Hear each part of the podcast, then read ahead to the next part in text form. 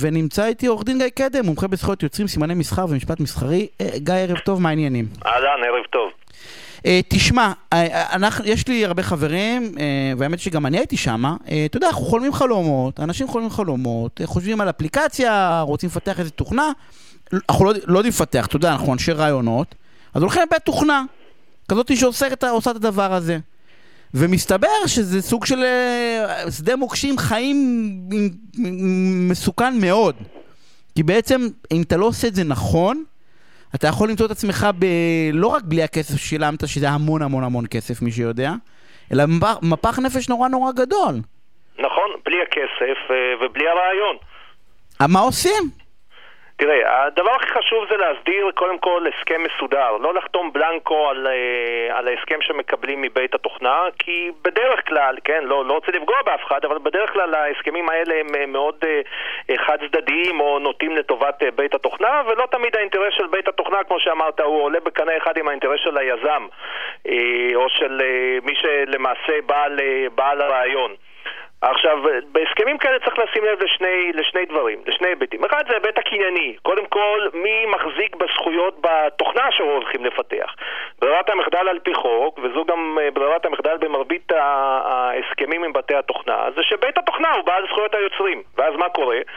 אתה באת עם רעיון מצוין, אה, אפיון מעולה, אה, פיתחו בשבילך תוכנה, שילמת הרבה מאוד כסף, מחר אתה רוצה לעשות איזשהו אקזיט, אולי למכור את התוכנה, פתאום אתה מגלה שיש לך שותף. בית התוכנה, הוא מחזיק בזכויות, בחלק מהזכויות, בכל הזכויות. אתה צריך איכשהו להוציא אותו, אתה צריך לשלם לו כסף. כדי לא להגיע לפוזיציה הזו, בדרך כלל כדאי להסדיר מראש שזכויות היוצרים יעברו אליך, אה, אפשר לתגמל את בית התוכנה בכסף, אפשר לתגמל במניות, אפשר לתגמל בכל מיני... למה צריך לתגמל? משלם להם כסף. תמיד אם תשלם כסף הכל טוב ויפה, רק יבואו ויגידו לך, אתה משלם לנו על הפיתוח, אתה רוצה גם את הזכויות, תשלם יותר. אז זה כבר עניין למשא ומתן מסחרי. הבנתי, הבנתי. לא, אבל אתה אומר צריך לקחת את זה ברכיב שזה לא מספיק, לא, כי רוב האנשים הפשוטים אומרים, אני משלם כסף שלי. אז זה, לא, זהו, שזה לא המצב. אתה משלם כסף, זה שלהם. אתה רוצה שזה יהיה שלך? תכתוב במפורש בהסכם בינם לבינך שכל הזכויות שלך, כדי שלא תגלה ברגע האמת שאתה בא עכשיו למכור את זה, שאתה צריך לשלם למישהו, כי יש לך פתאום, פתאום שותף, אתה צריך להתחלק איתו. אז זה בהיבט הקנייני. אתה צריך להכניס להיבט הקנייני גם איזושהי אי תחרות. אתה צריך להיות באיזשהו מצב שבו לא רק שמפתחים עבורך משהו, אלא שגם מתחייבים לו לפתח משהו דומה למתחרה שלך. אחרת מה? תשלם להם כסף על הפלטפורמה ששילמת להם ופיתחו עבורך. והם יפרסמו שהם מתעסקים בתחום בדיוק, הזה. בדיוק, וה... הם ימכרו את זה למישהו אחר. ואז גם מישהו אחר ירוויח מזה. על מה, ממה הוא ירוויח? ירוויח ממה, ש... ממה שאתה שילמת עבורו. עכשיו בניגוד, יש לי שאלה, זה כמו עובדים שזה מוגבל בזמן, או שזה חברת פיתוח, אני יכול להגיד להם חברים, תקשיבו, מה ששלי, שלי, אתם לא מתעסקים בזה. אתה יכול להסכים איתם ברמת המשא ומתן לכל מה שאתה רוצה. כמובן שכשזה עובד ופערי, זה יחסי עובד מעסיק ופערי הכוחות הם, הם יותר בעייתיים, אז, אז יש מגבלות. אבל uh, ב- ביחסים מסחריים בין בית תוכנה לבין מזמין, המגבלות הן, uh, יש הרבה פחות uh, מגבלות, זה הרבה יותר דינמי, וזה הכל נתון למשא ומתן, ובסופו של דבר לכמה כסף אתה מוכן לשלם, ואתה צריך להחליט מראש מה אתה עושה. האם אתה מוכן להכניס את היד לכיס, לקנות את הזכויות ולמנוע מהם להתחרות, או שאתה אומר בסדר, יפתחו לי מוצר, יפתחו מוצר דומה גם, גם למתחרה שלי. זה בהיבט הקנייני. עכשיו, בהיבט המסחרי, בחוזה שאתה עושה מולם, יש עוד כמה נקודות חשובות, כמה מוקשים חיים, כמו שהגדרת, שהרבה אנשים נופלים בהם. קדימה. קודם כל, מה בדיוק השירות, העבודה שאתה מקבל?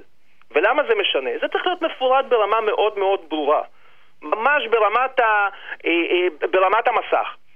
וכמה סבבים של פיתוח או ריג'קטים או תיקונים בית התוכנה נותן לך. למה?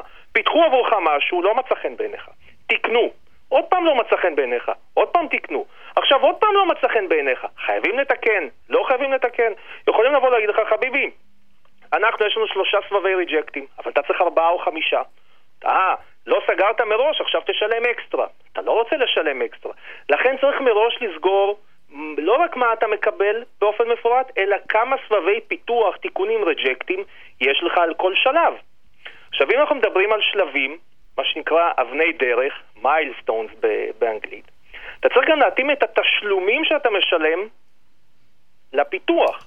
אתה לא רוצה להיות במצב ששילמת את כל הכסף, ואז כבר הצד השני לא בדיוק יש תמריץ להמשיך לעבוד בשבילך. זה במקרה הטוב, במקרה הרע הוא פשוט נעלם. במקרה הרע הוא נעלם, ואז אתה בכלל נשאר בלי כלום. אתה צריך לוודא שלכל אבן דרך, לכל שלב בפיתוח יש תגמול כדי לשמור על אש קטנה את הנכונות של בית התוכנה להמשיך ולעבוד איתך. עכשיו, מה קורה אם הוא באמת נעלם, החליט שהוא מפסיק לעבוד איתך, או פשט את הרגל, אתה הרי עכשיו נמצא בבעיה. עשו חצי עבודה, עשו שלושת רבעי עבודה, לא חשוב, עשו איזשהו חלק מהעבודה, פיתחו קוד מקור, שזה הבסיס לכל, אה, לכל תוכנה או לכל אפליקציה. עכשיו זה אצלהם הקוד מקור, אתה רוצה לעבור למקום אחר. או שאין לך את קוד המקור, או שאתה הולך למקום אחר ואומרים לך, תקשיב, אנחנו צריכים להתחיל לפתח הכל מההתחלה. מה עושים?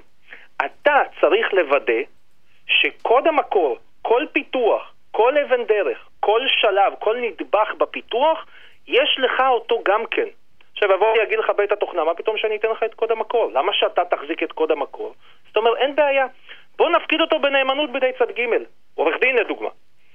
ואז אנחנו מפקידים את קוד המקור, כל שלב בפיתוח מפקידים אצל עורך הדין, או אצל איזשהו נאמן, וקובעים תנאים מתי אני, מזמין העבודה, יש לי גישה לאותו קוד מקור. רגע, אבל הקוד מקור, אם הסדרנו את הסוגיה הראשונה, הוא שלי. הוא שלך טוב ויפה, אבל מתי תקבל אותו? ואם הוא שלך ואתה, ולא לקחת אותו, ותוך כדי בית התוכנה נעלם, לא, לא, זה ברור לי, אבל אני בא ואומר ההפך, באיזה זכות בית התוכנה, אם אני הסדרתי שקוד, אני רוצה את הקוד תוכנה כל חודש, את הקוד מקור כל חודש. אז אתה צריך להסדיר שאתה מקבל אותו כל חודש, או כל, כל, כל שלב בפיתוח. כי זה שהוא שלך והם עובדים עליו, זה לא אומר שעדיין יש לך גישה אליו. שזה מדהים דרך אגב. להגיד לך... באיזשהו שלב לסגור לי ולסחוט, לא יודע אם נכון, לסחוט, לסחוט. נכון, נכון, נכון. סחיטה היא קשה, אבל אתה לסחוט. רוצה להיות במצב שבו אתה לא צריך ללכת לבתי משפט. אתה הרי השקעת כסף כדי לפתח תוכנה. לא, אתה לא רוצה לקחת את הכסף ולהשקיע בעורך דין ולריב עכשיו כמה שנים בבתי משפט. אתה רוצה להיות במצב שבו אם הם לא מספקים את המוצר, אתה יכול לקחת את הקוד, להעביר לבית תוכנה אחר שלא צריך להתחיל לפתח הכל מאפס. ולכן אתה צריך שיהיה לך, לך האפשרות להגיע לקוד המקור, לכל שלבי הפיתוח. עכשיו יכול לבוא להגיד לך בית התוכנה, מה פתאום שאני אתן לך, או, או קודם תשלם, אתה אומר אין בעיה, בוא תפקיד את זה בנאמנות. אנחנו נקבע אצל תנאים, מישהו, ואחרי זה יהיה- נכון, כן. נכון, אנחנו נקבע תנאים מתי אני המזמין יכול לגשת. כשבית התוכנה הפר את ההסכם הפרה יסודית, לא סיפק את הסחורה, לא אבל יש סיפק לי גישה אצל עורך הדין. ואני לא צריך מישהו שיעלם לי. נכון. מה עוד? שני משפטים יש. שני אחרונים. משפטים, אין בעיה. כל, שני דברים חשובים. כן. אחד, לוודא שיש לך תמיכה ופתרון תקלות, לא רק עד שהעלית את התוכנה לאוויר, אלא גם אחר כך. הרבה מהבאגים ומהתקלות מתגלות אחרי שכבר מתחילים לרוץ. אתה צריך לוודא, אחד, שלא שילמת כבר את כל הכסף וברחו לך ואין מי שנותן לך תמיכה. שתיים, שיש מחויבות חוזית לתת לך תמיכה, לא רק בשבוע, שבועיים הראשונים, אלא בש- אלא, אלא לאורך, לאורך תקופה. כדי שאתה לא תהיה במצב שבו שילמת את הכסף, הפרויקט נגמר, אתה עכשיו עולה לאוויר, ופתאום אתה תקוע עם איזושהי מערכת שלא עובדת, ובית התוכנה כבר עבר מדהים. לעסוק ב- במשהו ב- אחר במשהו אחר. ואת הכסף כבר שילמת לו, ולך תתחיל עכשיו לרדוף אחריהם, ואף אחד אחר לא ג- יכול לתת לך גיא. יש לך רשימה של כזאת איפשהו שאתה מפרסם? סופר חשוב, אני אומר לך, הייתי בקשר עם כמה, יש פה דברים שלא עשיתי. יש אה, עשרת הדיברות למפתחי אפליקציות, אם אה, תזין ב- בגוגל, תגיע לזה. אז אני משתף אותך מחר אצלי בפייסבוק, אה, כי יש פה דברים שהם סופר חשובים. גיא, תודה רבה, ושיהיה ערב אה, מעולה.